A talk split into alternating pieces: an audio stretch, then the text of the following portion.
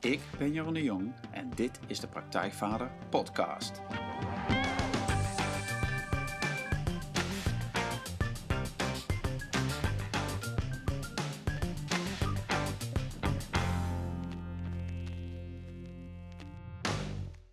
Welkom bij de Praktijkvader Podcast. Goed dat je luistert. Jeroen hier. En elke aflevering interview ik een bijzondere gast die jou gaat helpen om de volgende stap in je vaderschap te maken.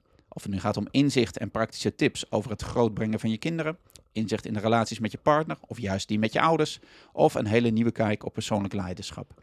En vandaag is een bijzonder moment in deze, zoals Bertolt Gunsten van Omdenken het met een vette knipoog ooit zei, de nu al legendarische podcast. Want vandaag interview ik de eerste vrouwelijke gast, aflevering 30. Daar staat Else Marie van de Erenbeemd centraal. Welkom, Else Marie. Nou, het wordt tijd ja. dat hier een vrouw zit. Else Marie uh, is een bijzondere vrouw die zich al sinds begin de jaren 80 bezighoudt met de oude kinderrelatie. Ze is familietherapeut, specialist in familieverhoudingen en wetenschappelijk onderzoeker. Ze schreef de boeken, onder andere De Liefdesladder over familie en relaties en Door het oog van familie, liefde, leed en loyaliteit. Daarnaast schrijft Else Marie ontzettend veel, onder andere columns voor Omroep Max, geeft ze lezingen door het hele land en workshops en is ze regelmatig op televisie te zien als deskundige over familiekwesties. Ook leidde ze meer dan 30 jaar studenten op van de post-HBO-opleiding Jeugd, Gezin en Contact. En dat waren allemaal mensen die werkzaam waren en zijn in zaken als de kinderbescherming, TBS-klinieken, jeugdzorg, etc. En ze heeft um, in haar praktijk komt ze ook mensen tegen uh, die ze als familietherapeut uh, ziet. En daar spreekt ze ook veel vaders. Maar Else Marie werd in de jaren 70, um, en dat vind ik wel bijzonder om te noemen, een warm pleitbezorger van de wereldberoemde Hongaarse psychiater Ivan Notch, de grondlegger van de familietherapie. En ze was ook een van de mensen die hem introduceerde hier in Nederland. Nou, als ik de afgelopen maanden aan interviewgasten vroeg naar tips voor nieuwe podcastgasten, kwam ik de naam van Else Marie regelmatig tegen. En vanwege, en dat werd dan gezegd, haar heldere kijk op verhoudingen binnen gezinnen en families. En in het werk, in haar boeken en alles wat ze doet, de lezingen, de workshops, uh, staat die familiedynamiek centraal. In de inleiding van het boek Door het oog van de familie schrijft Else Marie: Familie gaat een leven lang mee. Het is de krachtigste en tegelijk de meest kwetsbare band. We maken er deel van uit tegen iedere prijs. Nou, die familiedynamiek en het vaderschap zal centraal staan in dit gesprek. Um, want hoe werkt die dynamiek? Hoe krijg je de inzicht op? Wat voor invloed heeft jouw gezin van herkomst op het leven met je eigen partner en kinderen? En welke positie kun je als vader het beste innemen? En nog veel natuurlijk. Nou, Else Marie, uh, nogmaals welkom in de podcast. Na deze korte introductie van mijn kant, waarin je, ik je heel beknopt de afgelopen 40 jaar samenvat. Um, en alles wat je gedaan hebt. Um, ja, hoe zou jij jezelf omschrijven als persoon? Of wat zeg jij als mensen vragen, ja, maar wie ben je nou, Else Marie? Wat doe je nou? Als ik nu hoor wat ik allemaal gedaan heb, dan moet ik ineens denken aan wat mijn studenten ooit hebben gezongen. Niets menselijks is haar vreemd. Dit is Else Marie van de Erenbeemd. Dus daar moeten we het bij houden. Maar ik heb een grote bezieling en een grote uh, hart voor mijn vak. Ja. Mooi. Ja, en ik zei het al, en dat is in alle boeken en artikelen die, die er van jou te vinden zijn en te lezen zijn, is die familiedynamiek, die staat eigenlijk centraal. Wat gebeurt er nou in zo'n gezin? En um, kun jij zeggen waar die fascinatie uh, vandaan komt bij jou? Waar, of waarom ben je daar zo gefascineerd aan? Uh, nou, het, het, begon natuurlijk toen ik werkte bij ongehuwde moeders. En die waren jong en die kregen kinderen. En uh, die waren losgeslagen van hun familie. En er werd er een kind geboren. En dan zei je, hoe heet je dochtertje of je zoon? En dan was het Jon, Jon, net als mijn vader. En ze wilden hun vader dan nooit meer zien, maar dat er een veel dieper laag is dan wat mensen zeggen en wat mensen doen. Er is een veel diepere laag. En dat is de grootste kwaliteit die ieder kind heeft. Dat is loyaliteit. En in het woord loyaliteit zit het woordje wet. Dat is een soort wetmatigheid. Ieder kind is trouw aan zijn ouders. Wat de ouders ook het kind aandoen. En dat was zo ontroerend, maar puzzelde mij ook zo. Het leek wel een paradox van de liefde. En ik wil mijn vader nooit meer zien, maar ondertussen hing een meisje, ik zal het nooit vergeten, uit het raam, gooide sigaretten naar beneden voor als vader langskwam. En de hulpverlening van toen was iemand isoleren en redden van de slechte ouders. In tegenstelling tot wat toen ik mijn professor ontmoette, die zei: eh, mensen blijven altijd verbonden met die ouders. En daar moet je mee werken. Loyaliteit is een diepe, diepe kracht. En zo begint ieder kind. Loyaal, trouw aan vader en aan moeder. Ja, mooi. Ja, ik moet wel gelijk denken aan ehm, iets wat ik las in een stukje wat jij had geschreven. Dat, uh, dat gaat juist over, hè, wij als ouders denken van, ik krijg een kind en dat gaan we opvoeden, gaan we verzorgen, gaan we liefde geven. Maar jij schrijft dan ook, ja, maar een kind komt ook iets brengen. En dat is juist de kracht van een kind. Maar wat, wat is dat dan? Of is een heel belangrijke vraag, omdat uh, wordt altijd gezegd, je moet 100%. Ik ben er gisteren nog een jongen die zei, oh ouderschap, ik ben er nog lang niet aan toe. Ik moet eerst voor mezelf kiezen. Dat is trouwens een vloek van deze tijd. Maar het kind maakt de ouders tot ouders. Dus het kleine baby maakt de vader tot vader. En op dat moment gaat het kind geven. En dan kun je zeggen, een hele klein kind uh, beloont je met lachen, de herkenning, uniek. Een baby kan al in de rouw zijn. Als een vader bijvoorbeeld zes maanden weg is, kan een baby in de rouw komen. Uh, als een vader weg is. Hè? Hoe, dus, hoe merk je dat? Nou, uh, lusteloos. Uh, in het begin kijken ze alsmaar rond. Daarna komt er bij een baby berusting. Maar ze zijn in een soort gemis. En um, ja, het kind maakt je tot ouder. Dus kind heeft heel veel te geven. Want een kind geeft aan ouders. In wezen komt het erop neer. Een kind wil de ouders gelukkig maken.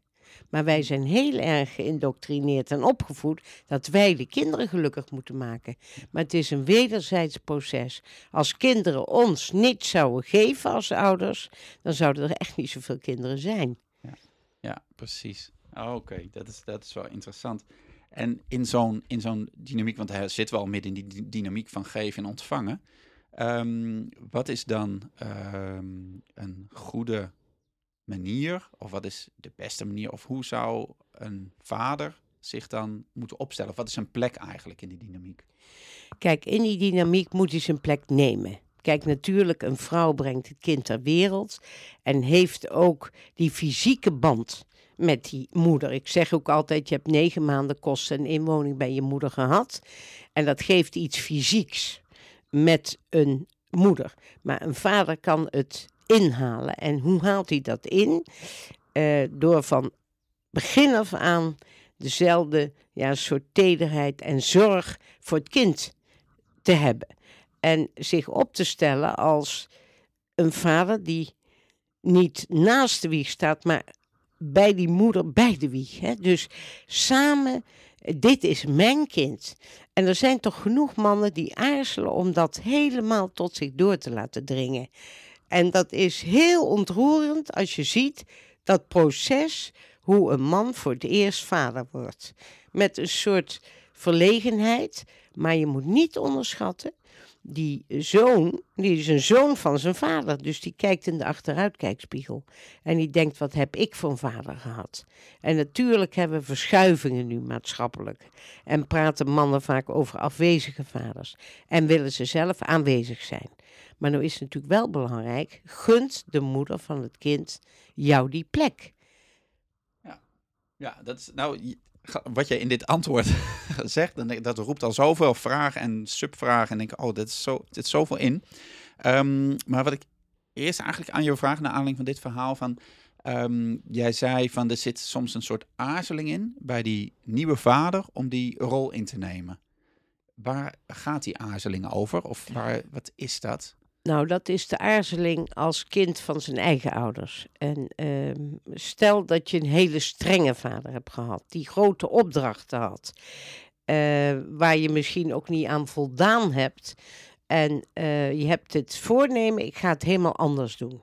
Als mijn kind er is, dan zal ik absoluut die grenzen niet stellen en zal ik niet zo streng zijn. En mijn kind mag alles worden, al wordt die schapenhoeder in, uh, in Spanje. Um, hij heeft heel veel voornemens, want hij kijkt in de achteruitkijkspiegel. Dat doen we allemaal. En uh, die aarzeling is, kan ik die tederheid van een baby wel aan? Kan ik dat aan? Hoe, hoe bestaat het? En dit kind, ik weet nog, Joep van het Hek, die had een lied en die zei: Als er iets met dit kind gebeurt, zal het voorgoed mijn leven bederven. Dus het betekent voor het eerst dat je denkt, ik ben ook afhankelijk geworden van het kind. Want als er met het kind iets gebeurt, treft het mij zoals nooit iets mij zou kunnen treffen. Dus die aarzeling en terughouden is, ja, ik hoorde pas nog zo'n man zeggen, ik vind het pas leuk als ze gaan praten. Nee, dat mag je zeggen, maar voor die tijd ben niet bang voor die tederheid van dat kind. Want dat kind is één en al toegankelijkheid, tederheid voor jou. En daar zit vaak die angstige terugtrekking in. Maar dat gaat dan ook over of je dat wel kunt ontvangen, of zo of niet. Heel goed, Ja. eh, dat is een heel belangrijke vraag. Sta je open om dat te ontvangen? Ja. En eh, vaak zijn mannen daar niet op bedacht dat dat zo diep kan gaan. Dat het zo diep... Ik moet ook weer een cabaretier eh, aanhalen. Eh Robert Vuistje, die heeft een boek geschreven over die zwangerschap en, en die baby. En ehm, ja, ze heeft me om. Eh, mijn dochtertje heeft me om. En hij bedoelt eigenlijk... Ik zal alles uit de kast trekken om haar te beschermen. En dan vind ik dat zo mooi, wat ik laatst hoorde van een cliënt. Ik sta als een blazende zwaan om een kind heen. Niemand mag eraan komen. Ja, dat is, dat is een heel mooi beeld inderdaad. En ik denk dat dat veel mannen, en dat ken ik natuurlijk zelf ook wel, zeggen van ja, maar je, hè, je komt niet aan mijn kind. Hè? Ja. Van dat echt, dat, en dan, nou ja, dat maakt niet uit, maar daar sta ik inderdaad als zo'n blazende zwaan omheen. Ja. En die, die is heel krachtig. Hè? En die, ik denk dat heel veel mannen dat gewoon zullen herkennen, want dat is een soort, een soort primaire Ja, ja. Maar het is bijna een soort paradox in, met dan zo'n zo'n babytje en wat dan, eh, wat dan alleen maar is eigenlijk. Hè? Ja. Wat verder, om dat daar ook bij te kunnen zijn, gewoon in het één op één contact, zeg Ja. maar. Ja. Niet bang zijn voor die tederheid. Ja. En ehm, wat ik dus wel eens eh, hoor van, kijk, eh, zeggen ze in een kroeg of, of ergens anders van, nou, eh, het is alleen maar huilen en dit en dat. dat die taal van mannen dan vaak zo die tederheid helemaal niet toelaten. Hè? Dus mannen onder elkaar dan niet vertellen wat zo'n tederheid oproept. Misschien een tederheid die ze nog nooit gekend hebben. Zelfs niet van hun vriendin of vrouw hebben gekregen. Zoveel aanhankelijkheid, zoveel blijdschap, zoveel intimiteit. Daar kun je ook bang van worden. Ja, en dan komt natuurlijk ook bij dit stuk wat, waar, eh, wat natuurlijk veel voorkomt, is dat mannen, het, het- als ze dat al voelen, dat lastig vinden om dat dan weer te delen. Of, dat, nou ja, of ze dat nou moeten delen of niet, maar om daar woorden aan te geven. Want het is, ehm, nou, dat, dat zie ik ook nou ja, in de groepen die ik dan doe, zeg maar. Dat is wel even wennen vaak om, ja, om eigenlijk letterlijk gewoon je hart open te zetten en daarover te hebben. Over de dingen die je raken. Dat is vaak eh, heel moeilijk. En ook al zeggen mannen het niet, eh, het zijn vaak ook vrouwen die ineens merken: wat is mijn vriend of mijn man veranderd? Moet je nou toch eens kijken hoe die thuis komt? Dan krijg je een situatie, hij rent naar de wieg en hij heeft nog ineens gezien dat ik een nieuwe jurk heb, eh, dat ik nu weer mijn haren kort heb laten knippen. Hij vliegt naar die wieg. Dat is ook zo fascinerend en nieuw. Dus daar moet je in de verhouding dus ook op letten. Hè? Dat je geen concurrentie krijgt van Ja, wie is nou het belangrijkste. Dat krijg je vaak toch een beetje een crisisje van... een vrouw is natuurlijk be- bevallen... eh, de, de borstvoeding, haar hele fysiek moet nog herstellen. Duurt een jaar. Want een flauwekul dat vrouwen na drie dagen al eh, gasten staan te ontvangen en boerenkool staan klaar te maken. Geniet nou van die tijd, die komt nooit meer terug. Eh, en zorg nou dat ontzwangeren en het geheel duurt gewoon een jaar. En verwen, verwen haar dan ook op die manier. En ik denk dat als het goed zit, heeft ze een enorme blijdschap dat ze haar vriend of man tot vader heeft gemaakt en dat hij ook zo daarvan geniet. Dan is het natuurlijk verrukkelijk. Dan, dan komt er iets op gang wat echt liefde heet. Ja, en dat raakt dan ook weer wat je eigenlijk al eerder zei: van ehm, gaat allemaal over plekken innemen en wennen aan elkaar. Maar dat een jonge moeder, of gewoon überhaupt moeders, zeg maar, vrouwen, ook die man die plek moeten geven als man. Absoluut. Want waar gaat dat over? Dat gebeurt niet automatisch. Hè? Je zegt dat eh, niet bij iedereen gaat dat vanzelf. Ehm, waar, ga- waar gaat dat over? Over die man die plek geven? Nou, dat komt weer. Ik, ik, ja, ik bezie natuurlijk alles breder in de context, in generaties. Eh, Zo'n vrouw kan een afwezige vader hebben gehad. En een vrouwengezelschap opgegroeid zijn. Eh, eh, die man e- eist die plek ook op, want het kind vraagt het aan die man. Dus daar begint het mee. En dan eh, moet ze daar heel erg aan wennen. Vrouwen hebben ook vaak iets, dit is exclusief van mij en, en bemoei je er niet mee. Dus dat is best een moeilijk iets om dan ja, je man die plek te gunnen. Dat heeft ook vaak te maken met haar eigen geschiedenis, met haar eigen vader. Kijk, als jij een hele heer, fijne, goede vader hebt gehad, dan zoek je ook een beetje naar een man. Inherent, dat gebeurt hoor. Dus niet alleen erotiek en, en seks in een kroeg, maar dan denk je, heel onbewust zou dit ook een goede vader voor mijn kind zijn. En dan wil je dat ook graag, dan geniet je daarvan. Maar heb jij hele grote problemen gehad, of een afwezige vader, of een vader waar je naar verlangt die jou nooit erkend heeft, dan vind je dat ineens moeilijk. En wat zouden eh, mannen dan kunnen doen? Want ik hoor ook wel vaak dingen in de training van dat gaat dan kleine irritaties spelen dan op van ehm, dat eh, en dat is misschien helemaal niet belangrijk, maar dat ga, die spelen dan wel op van dat die man die eh, doet dan ook een keer de was en die vouwt de kleertjes op, maar dan niet op de goede manier, zeg maar. Nou, dat is vrouw geïrriteerd, man geïrriteerd, terwijl ze allebei eigenlijk weten, ja, maar het gaat niet over die kleertjes. Wat, maar wat zouden mannen kunnen doen eh, in zo'n situatie, zeg maar, om meer die plek in te nemen? Ja, dat is toch vooral ook erkenning geven. Erkenning is in het hele leven een sleutelwoord. Dat is geen compliment, dan zie je er leuk uit. Dat is veel meer, oh wat vind ik toch heerlijk als ik jou met de baby zie. Tegen zijn vrouw zeggen. Als hij dat meent, hè. Je kunt niet eh, iets opleggen. En eh, dat je ook geniet van, kijk er nou toch zitten met het kind. Oh, hoe heerlijk is dat. Dat er erkenning is voor eh, die vrouw met dat kind. Want voor haar is het eh, eh, een, een- ook een, aardverschuiving die nooit meer zal veranderen. Die, het kind blijft levenslang. Ik zeg ook vaak tegen ouders, ook na jullie dood praat het kind nog over jullie. Dus eh, weet hoe belangrijk je bent. Dus eh, dan gaat erkenning over en weer. En dus de was helemaal verkleurd en, en eh, ik ken het hoor. En dan denk je, oh god, alle, roze, alle blauwe pakjes zijn rood Ja, geworden. dat is bij jou ook wel eens gebeurd. Ja, hoor, natuurlijk. Maar ehm, gun je elkaar ook dat ouderschap. En geef je elkaar dan ook wel eens erkenning. Hoort een man wel eens van zijn vrouw: Ik geniet van jou als vader. Wat heb ik jou goed uitgezocht? Ja. En er wordt er weinig gezegd. Ja. Er wordt weinig gezegd. Ja. Dat je elkaar op het ouderschap erkenning geeft. Een man zei: Ik heb alles gedaan, een tweeling. Een hele couveuse kindjes en heel moeilijk eten en drinken. Hij zei: Jij slaapt s'nachts, ik sta op. Hij heeft bijna acht maanden iedere nacht die baby's gevoed. Met heel uiteindelijk had hij een enorme band mee. Hij sliep zelfs apart met ze, anders kon zijn vrouw niet slapen. Dus enorme inzet. Hij zei: Ik heb het eigenlijk nooit gehoord dat ze het fijn vond. Ze zei logisch, want ik ben er overdag. Maar dat logische, je hoort ook graag dat je het goed doet. Ja. Ook belangrijk dat je erkenning krijgt dat jouw vader, dat is het mooiste, als een zoon nog een vader heeft, die tegen zijn zoon zegt, ik geniet ervan, wat ben jij een goede vader. Ja. Dan gaat de hemel open hoor. Ja, dat is, dat is echt prachtig.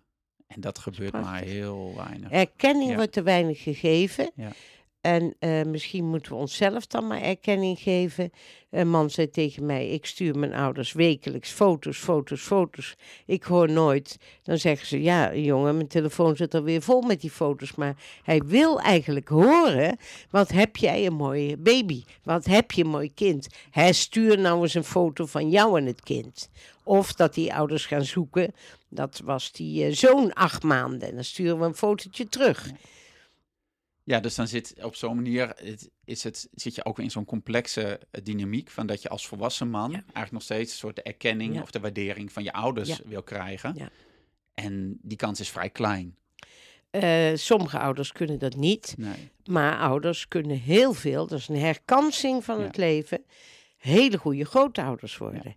En dan heb je zo'n vader die zegt: Ja, maar ik ben hier eigenlijk soms razend jaloers op. Mijn vader ligt de hele avond met mijn zoontje op de grond om een trein te bouwen. Ik heb hem vroeger amper tien minuten gezien. En dan zeg ik: Maar je vader doet het nu voor jouw kind.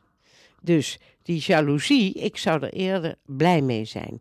Want hij investeert in jouw kind. En goede grootouders hebben is voor een kind vaak levensreddend. Ja, ja, dat is, en dat is, nou ja, jij beschrijft zo'n voorbeeld. En nou, die voorbeelden zijn er genoeg, zeg maar. Van ja, hè, mijn kind krijgt nu wel wat ik niet had gekregen. En nou ja, ehm, hoe, wat, wat kun je dan, hè, als zo'n vader, je zegt, ja, hij geeft het aan je kind, wees daar dankbaar voor. Ehm, maar hoe doe je dat dan met eigenlijk uh, jezelf ook die erkenning geven, zodat je dat naar je ouders toe wat minder uh, meer nodig hebt of zo? Dat lukt niet. Je kunt jezelf geen erkenning geven. Je kan wel in de spiegel kijken en denken: ik doe het goed. Maar de erkenning krijg jij van jouw kind. Ja. Als jouw kind rent naar de deur, papa, papa, en die is dolblij dat je binnenkomt, dat is erkenning. Ja. En zie dan je vader als grootvader die het vroeger niet kon. Maar kijk, kleinkinderen hoef je niet op te voeden. Dus een stuk makkelijker. Je kunt de hele avond met het treintje spelen, omdat je niet hoeft te denken: hij moet huiswerk maken of hij moet naar school. Dat is de luxe van grootouders. Maar denk dan ook: jouw kind geeft jouw erkenning eigenlijk, maar jezelf erkenning geven, ja, dat werkt niet. Dan kun je honderd keer tegen jezelf zeggen, maar dat helpt ook niet. Nee. Dat is, uh, dat is inderdaad lastig. Want het gaat eigenlijk om het soort accepteren, ook dan bij jezelf, dat, dat je iets gemist hebt wat je graag had willen hebben. Nou, je kunt wel eens zeggen, nou pa, dit had ik vroeger ook wel gewild. En je vader wuift het weg. Kijk, kinderen hebben totaal andere verhalen over ouders dan ouders over kinderen. Dat is een heel interessant gebied. Want ouders vallen soms in mijn praktijk om als ze iets horen. Dat is nooit gebeurd. Hoe kom je erbij? Ik zeg voor het gesprek altijd: uw kind heeft een andere waarheid. En uw kind zal u die waarheid van het kind vertellen. Uit de ogen van het kind. U heeft een waarheid uit de ogen van de ouders. En misschien komen we bij elkaar. Maar misschien ook niet, maar als u maar kan luisteren naar uw kind. En eens een keer erkenning was het vroeger, heb je. Laat zei een grootvader tegen dus zijn zoon, die vader was geworden. Had je me vroeger zo gemist? Ik wist niet dat ik zo belangrijk was. Je had je moeder toch. Vroeger werd het ook vaak, of en nog, vaak naar de andere, naar, vooral naar de moeder geschoven. Ja. Hij zei, die man zei echt, ik ben helemaal ondaan. Ik ben helemaal ondaan. Ik, had het je, ik wist helemaal niet dat ik zo belangrijk was. Ik was meer de vader die dan het geld verdiende. Maar dan zeg ik, geld verdienen voor de familie is ook geven. Hij besteedde het niet aan, uh, zoals Dijsselbloem vanmorgen zei, aan geld en vrouwen. Nee, hij gaf het voor het gezin. Is ook geven. En daar horen die vaders soms ook niks van. die horen dat ook weer niet van hun kinderen. Dat die vaders, of zo'n middenstandsvader die een winkel uh, maar dag en nacht gewerkt heeft voor die winkel. Maar het inkomen was wel voor het gezin. Ja, precies. En um, ja, dat is wel mooi dat je dat zegt. Want dat, dat gaat ook dat je dan als uh, kind of als volwassen man, dan die, als je teruggaat naar je eigen vader, met een soort, soort mildheid daar ook naar kan kijken. Ja. ja, mildheid is nodig en ook de feiten.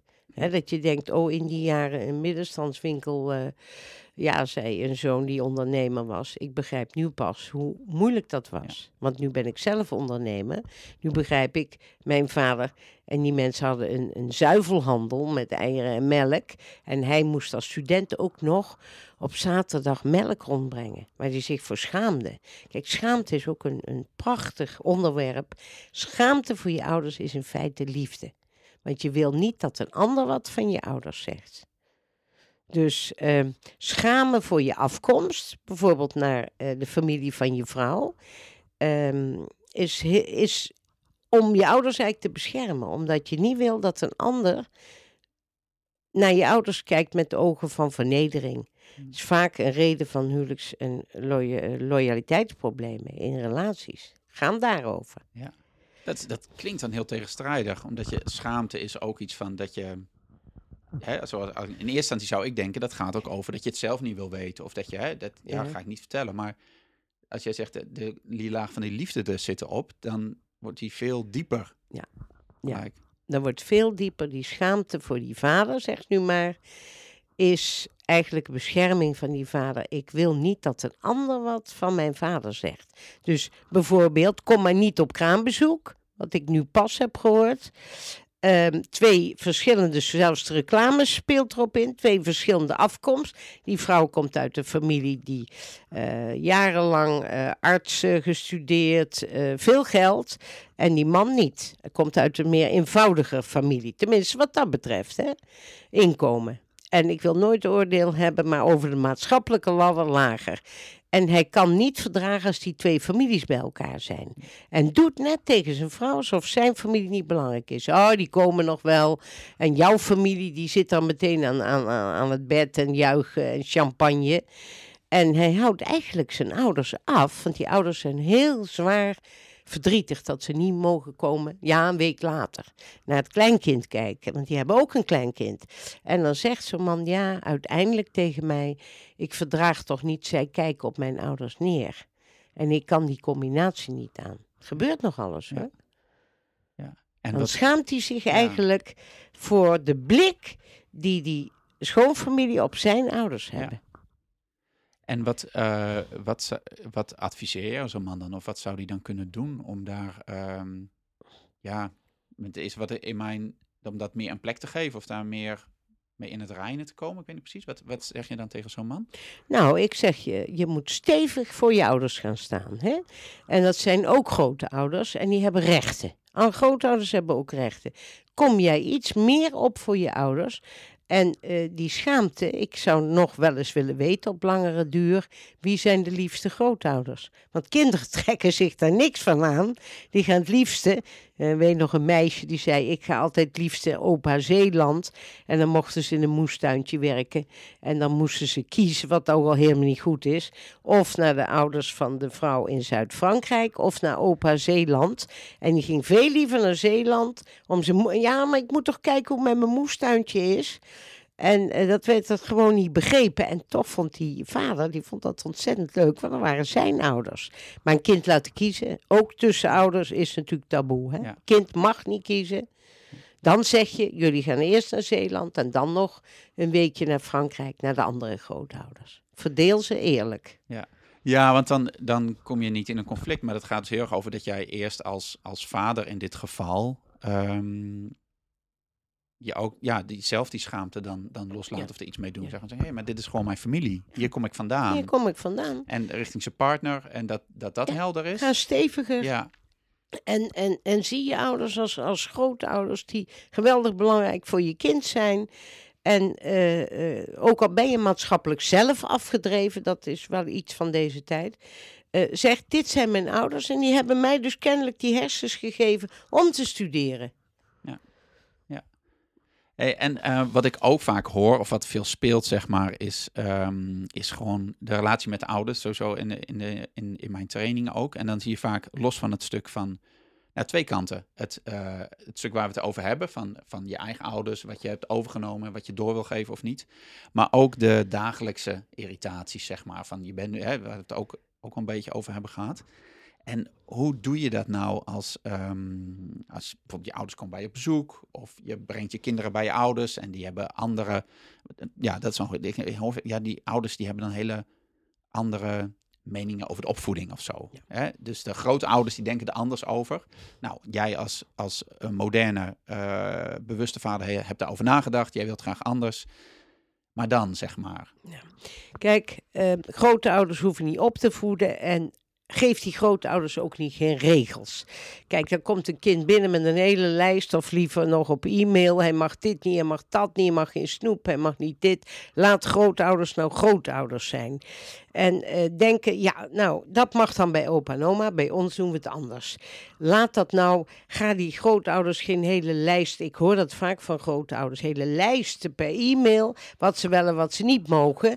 Laat dat nou die grootouders doen. Doe dat bij de oppas die je inhuurt, maar niet bij grootouders. Dan krijg je conflicten over, want dan zeg je, eh, geven die grootouders stiekem een reep chocola, niet tegen papa en mama zeggen.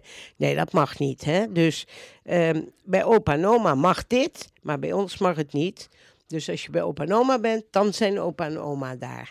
Dus eh, ga elkaar geen opvoedingsregels stellen, want dat geeft conflicten.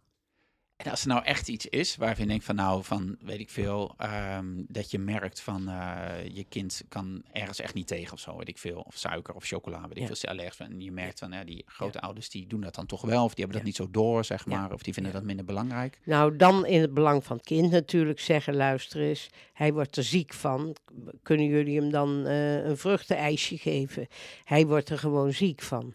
En, eh, maar doe het als eigen kind. Mijn grote advies is, laat nou niet de schoondochter aan ouders vertellen wat die moeten doen. Laat de zoon het nou doen. Als de eh, grootouders plotseling op moeten passen, laat de zoon het dan vragen. Want die hebben makkelijker met elkaar. Die kennen elkaar, die weten waar de gevoeligheden liggen. Oh, dat moet je tegen mijn moeder niet zeggen, dan doen ze dat niet. Maar een schoondochter, la- laat nou ieder kind zijn eigen ouders bedienen. Want dat zou heel veel conflicten schelen. Ik ben blij dat ik dat kan zeggen. Ja.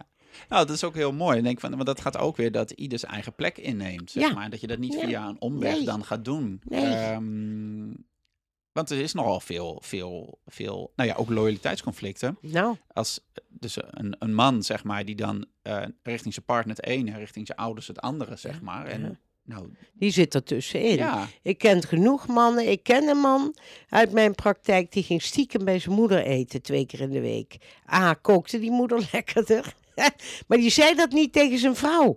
Eh, het is net eh, of ik nu pas een cliënt die zei ja, ik ontmoet mijn moeder op station in Amersfoort. Ik zeg waarom op een station? Ja, het mag van mijn vrouw niet.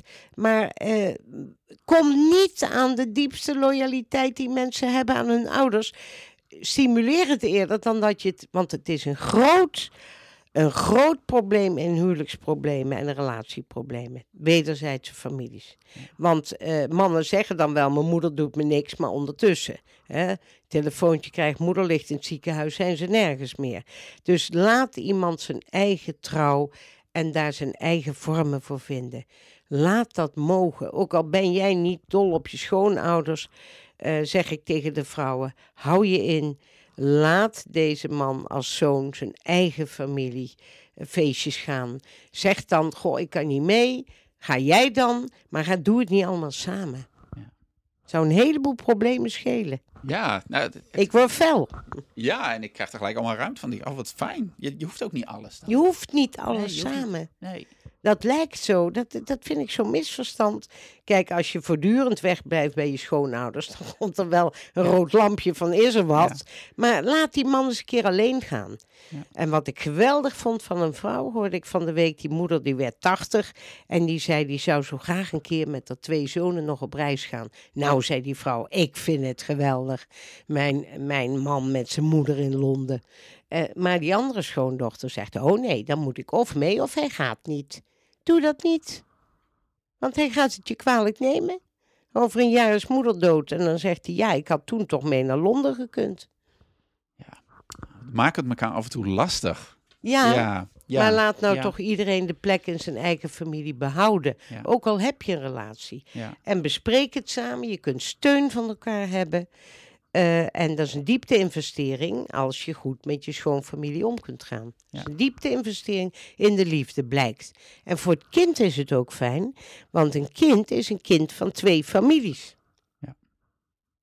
Ja, en dan kan hij in allebei die families zijn plek innemen eigenlijk. En allebei. En die eh, opa's en oma's zijn allemaal verschillend. Daar kan een kind fantastisch mee omgaan. Eh, ik ken ook kinderen die hebben dan gescheiden grootouders. En die hebben dan weer stiefoma's en stiefopa's. Eh, kinderen, als het maar veilig is. En ehm, dat kinderen gezien worden niet alleen als grote ontvangers, maar ook als grote gevers. Want die verbinden soms een hele familie. Ja, is mooi. Ehm, ja, dat, dat brengt me een beetje naar de volgende vraag. Want ehm, jij eh, werkt ook veel, of hè, je hebt ook meegewerkt toen ehm, aan die sierencampagne over echtscheidingen. Met die, die intense beelden met waar die, die zinnen op, op het lijf van kinderen waren geschreven. Er waren zinnen als van, ja, denk maar niet dat papa je nog wil zien. Of eh, als ik had geweten, hadden we nooit kinderen gekregen of zo. Dat, is een hele, dat was een hele intense campagne. En je hebt het nu over loyaliteit. En nou ja, scheiden is nou eenmaal ehm, is aanwezig. Hè? Relaties gaan uit elkaar. Ehm, en hoe, maar hoe kunnen we dat dan, hè, je zegt het net ook weer een beetje, maar hoe kunnen we dat dan beter doen, zeg maar? Ja. Hoe kunnen we dat, eh, met al het verdriet en de pijn die er al is, maar Ja. kunnen we dat beter We doen? kunnen het beter doen. Er is een partnerverhaal, daar zit soms heel veel woede en haat in. Eh, ik onderscheid direct als mensen bij me komen het partnerverhaal. Dan zeg ik dat zijn de oude pijnlijke films. eh, die kun je terugdraaien of niet. Daar zit vol haat, verlating in. Mensen zijn doodsbang, eh, verlaten, verdrietig, bedrogen. Maar er is een ouder verhaal. En dat oude verhaal wil ik bewaren. Want kinderen bewaar de trouw van ouders aan hun kinderen en bewaar de trouw van kinderen, zo heet mijn contract wat ik ontworpen heb, aan hun ouders. Dus eh, dat komt van mij, van mijn werk. Ik wist het ineens, ik weet nog waar ik het bedacht, ex-ouders bestaan niet. Kinderen kiezen niet. Kinderen, nog chockerender, scheiden niet. Dus Ehm de ouderverhaal, als je eenmaal kinderen hebt, blijf je ouder tot aan je dood. En daarna ben je ook nog belangrijk. Dus ik probeer bij mensen, als ze bij mij komen in een echtscheiding situatie, dat scheiden, dat partnerverhaal is soms zo ziek en zo verdrietig en zoveel bedrog, dat valt niet meer te repareren. Het oude verhaal moet blijven staan in het belang van de kinderen. Als dat niet blijft bestaan, en ik zie toch veel te veel verdwenen vaders met name, nog steeds verdwijnende vaders. En ehm, die verdwijnende vaders, dat is voor kinderen kindermishandeling. Ik durf het zo te zeggen. Ik zeg er altijd bij, wij zien de blauwe plekken niet. Die zitten op de ziel. Dus ik probeer werkelijk, en de Sierencampagne was een droom van mij en die is uitgekomen. ehm, dat mensen ook in radio, televisie bewust te maken. Ouders ben je voor een leven lang.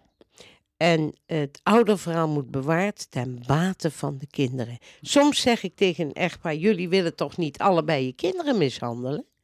Ja. Jullie mishandelen jullie kinderen. En dat geldt niet alleen voor ouders met jonge kinderen. Het geldt voor ouders met pubers die uit elkaar gaan. En zelfs met ouders met volwassen kinderen.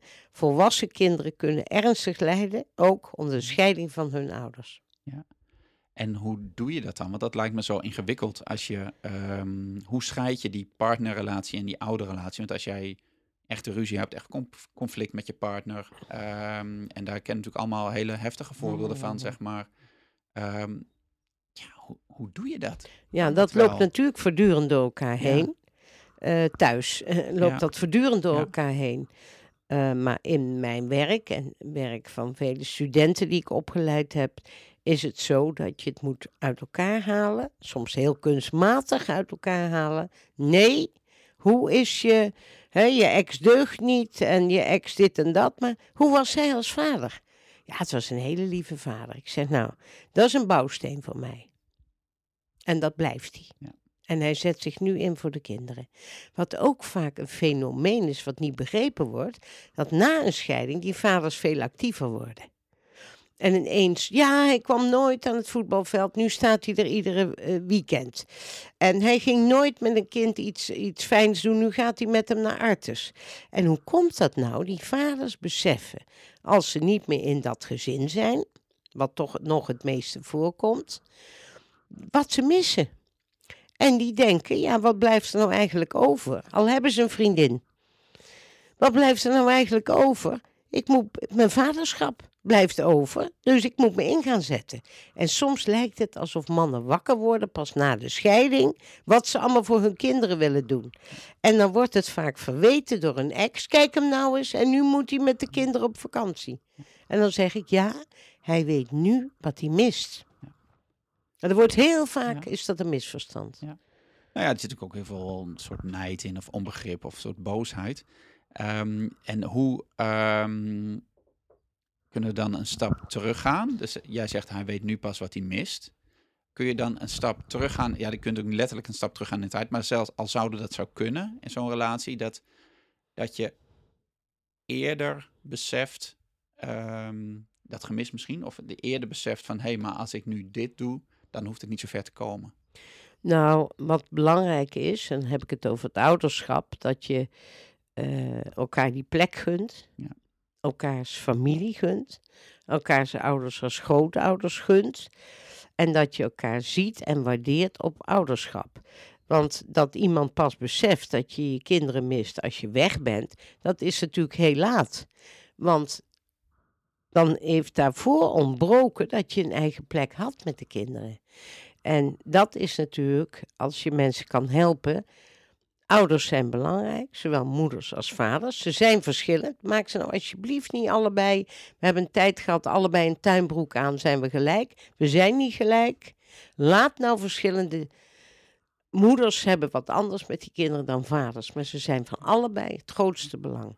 En wat is, uh, dat vind ik interessant, want heel veel interviews die ik heb gedaan, komt dat af en toe naar voren. Dat, dat vaders anders zijn, zeg maar. En dat zijn dan vaak mannen die dat vertellen. Dus maar ik ben heel benieuwd, jij ook als vrouw, maar ook met je ervaring van de afgelopen decennia, van wat zie jij nou? En misschien is dat veranderd in de loop van de tijd, maar wat is nou een verschil? Of wat is een essentieel verschil tussen vaders en moeders? Of wat ze doen met hun kinderen of wat ze te brengen hebben? Misschien uh, niet in wat ze doen. Ze kunnen allebei uh, hockey, hardlopen, uh, met bakfietsen door de stad racen, uh, baby op de buik vasthouden. Maar een vrouw heeft natuurlijk een, ook een biologische band. die heeft ze gebaard en gedragen. Vaak ook te weinig erkenning voor gehad. Geef je vrouw eens een ring of een schilderij als herinnering. Het, het, wordt maar heel gewoon gevonden allemaal. Nee, dat, dat is er sowieso. En uh, vrouwen hebben natuurlijk van oudsher, uh, daar zit dus, dus heel diep van generaties, uh, vrouwen kunnen voeden. En vrouwen voeden vaak en hebben vaak als meisje ook een zorg, veel meer een zorgtaak in het gezin. Hè? Dus zorgen, kun je zeggen, dat hoort ook bij het totale pakket van een vrouw.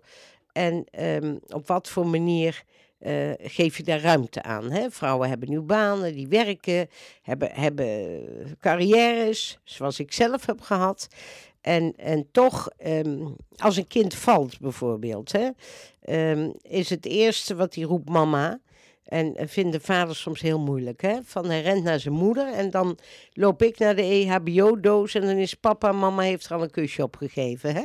Dus die intimiteit, uh, geniet daar ook van als man. Ga niet in de concurrentie. Want die intimiteit kan dat kind met jou ook hebben. Hè? Ik herinner me uh, dat mijn zoontje, bijvoorbeeld mijn zoon, ik heb ook twee zonen, s'nachts riep om zijn vader. Dat ik ook even dacht: hey, hey, ben ik te veel weg geweest? Hij roept om papa.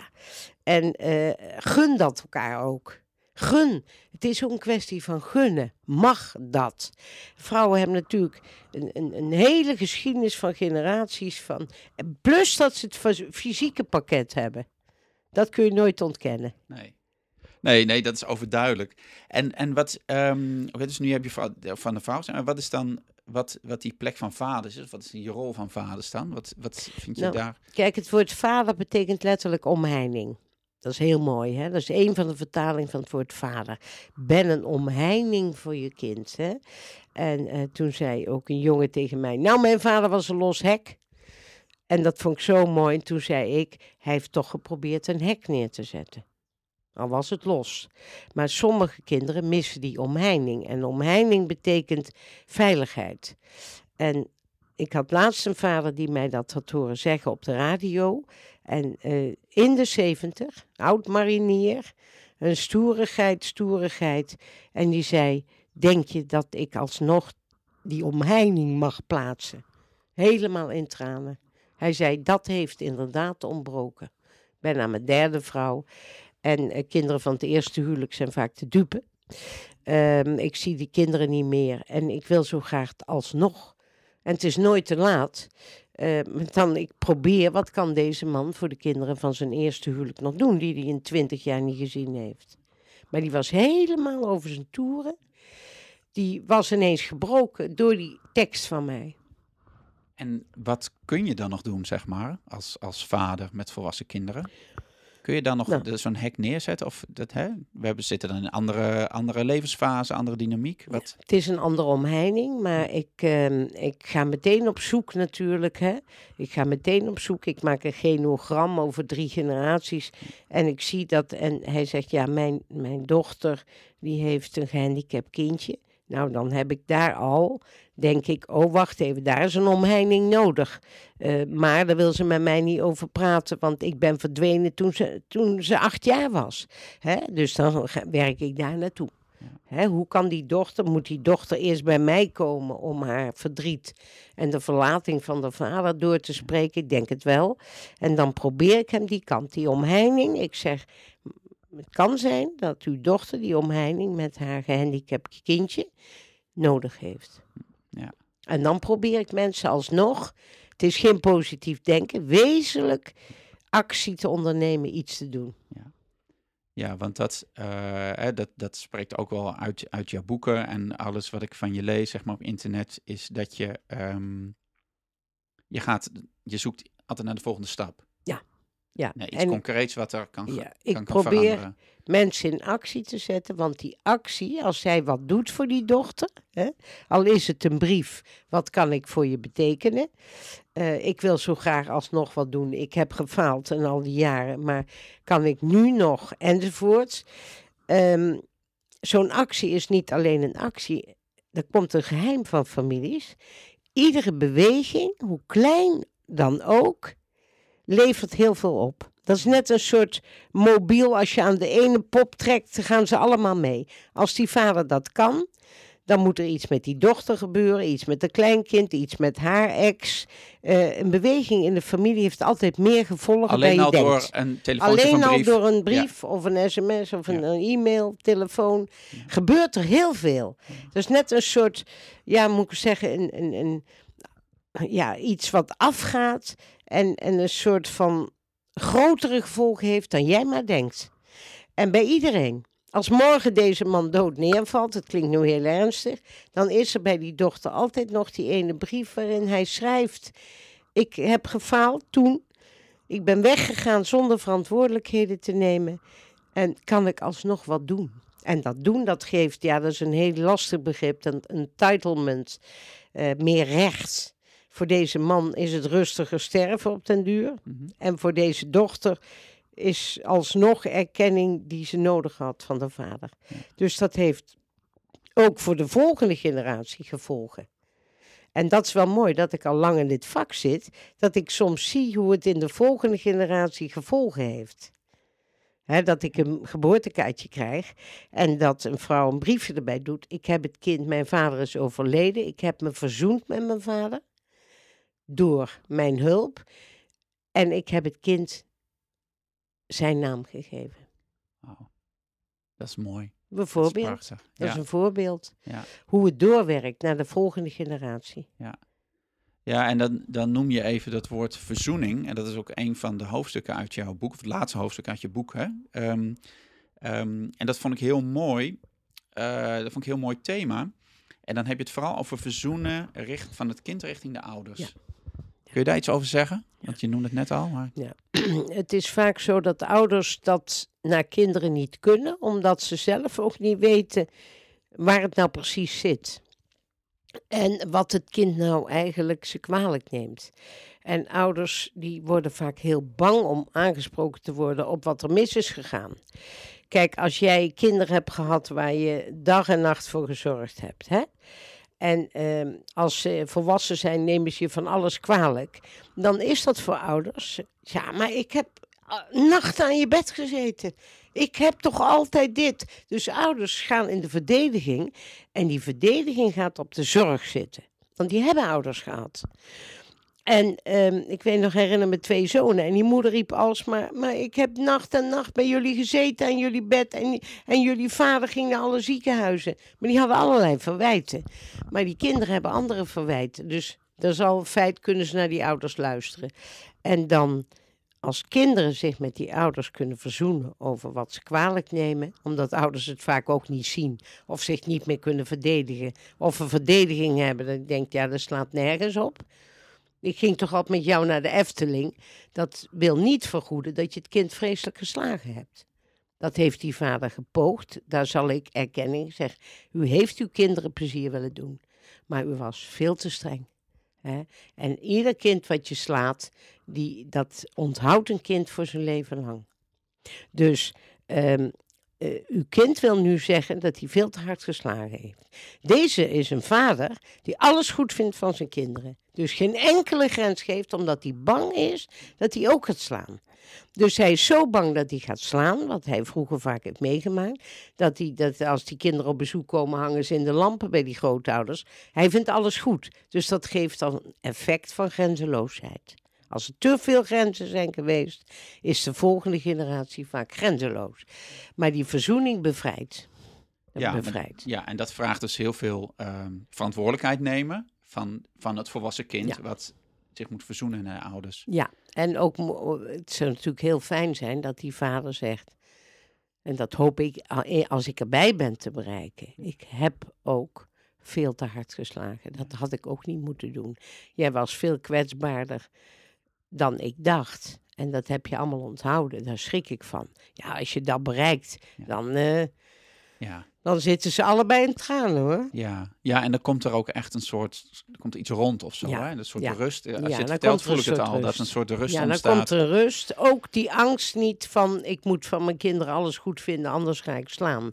Dat vermindert dan ook. Ja. Ja. Mooi. Ja, prachtig.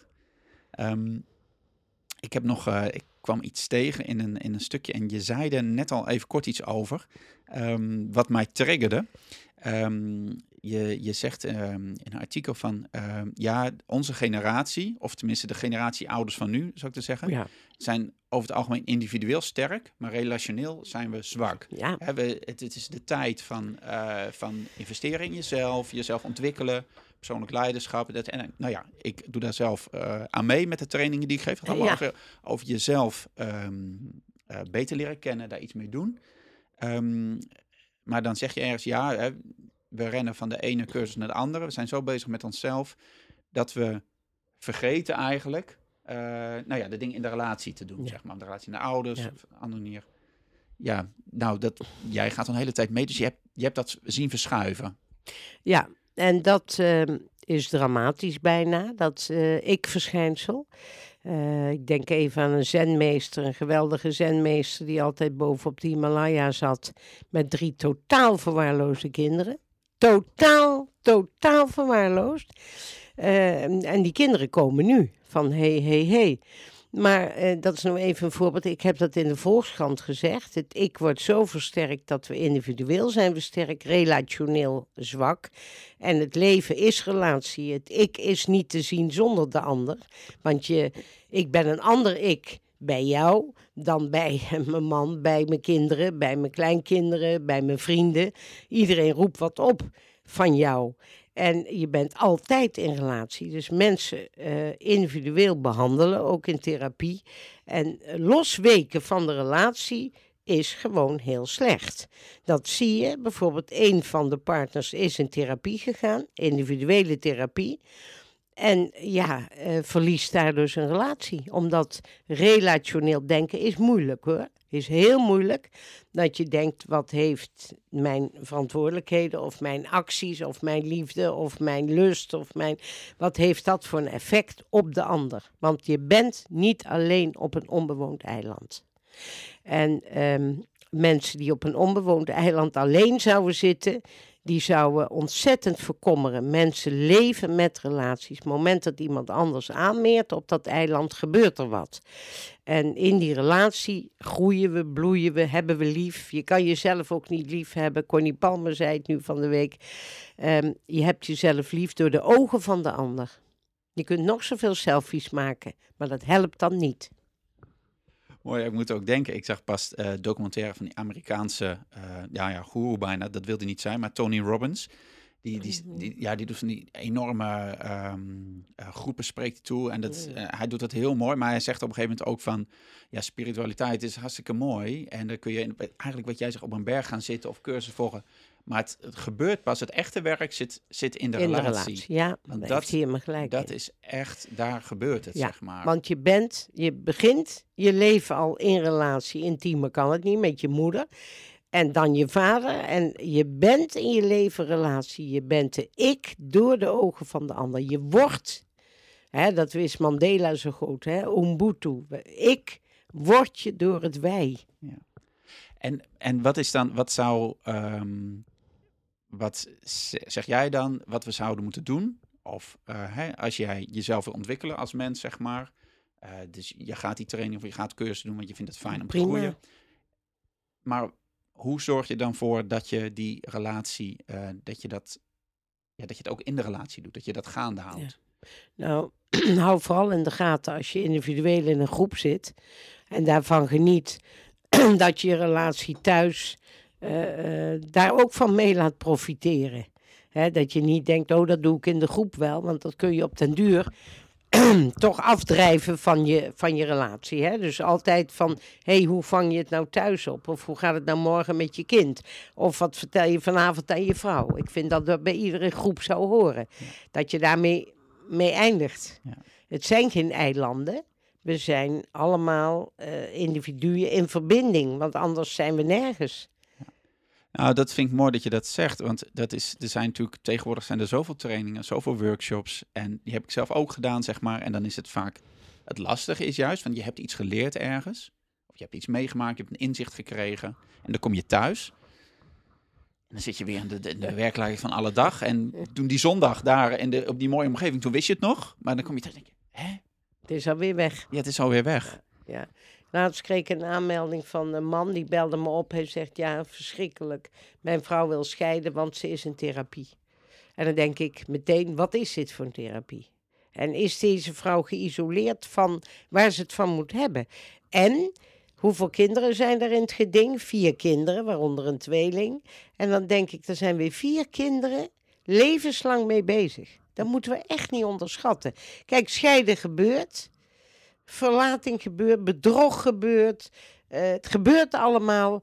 Maar er is maar één ding. En ik vind dat dat veel meer op consultatiebureaus zal gezegd moeten worden. En zoals in jouw werk.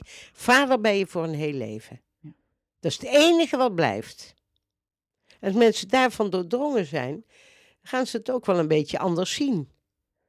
En ik zeg niet, er wordt te veel gescheiden. Ik kan daar geen oordeel over hebben. Er is veel drama. Maar er is één drama wat je kinderen kan besparen. Dat is dat je ouders blijft. En hoe goed stiefvaders ook zijn, wil ik toch nog even wat over zeggen. Stiefvaders zijn- kunnen heel fantastisch zijn. Een goede stiefvader of moeder krijgt van mij gewoon een prijs. Omdat het razend moeilijk is. En waarom? Omdat de diepste loyaliteit van een kind naar de eigen ouders gaat. En dat is een wetmatigheid. En je kunt als stiefvader enorm goed zijn als je het kind de eigen vader gunt. En dat kind zal voortdurend nog roepen, ja, papa doet het veel beter. En papa die, die doet dit. En dan zeg je, fijn voor jou, wat fijn dat je papa dat zo goed kan. Ga nooit in de concurrentie met de vader, want de stiefvader verliest het dan. Ik heb laatst een bruiloft meegemaakt en mijn vak is overal. Daar liet de vrouw zich door de stiefvader naar binnen eh, brengen in de kerk. En dan denk ik, ik ben gast, hè, maar ja, ik, ik heb een vak overal bij me. En dan denk ik, dat moet een hele goede stiefvader geweest zijn. Ja. Dat hij dat mag doen. Dat heeft hij verdiend. En die, die bruid, ik ging haar feliciteren en ik kon het niet laten. Ik zei, het is ook geweldig voor je stiefvader. En toen zei ze, ja, want haar eigen vader is inmiddels overleden. Omdat hij altijd zo waarderend over mijn vader sprak. Nou, ik denk, daar heb ik weer. Ja, prachtig. Dan is die, ja, dat, dat kan ook alleen maar dan, zeg maar. Ja. Mooi.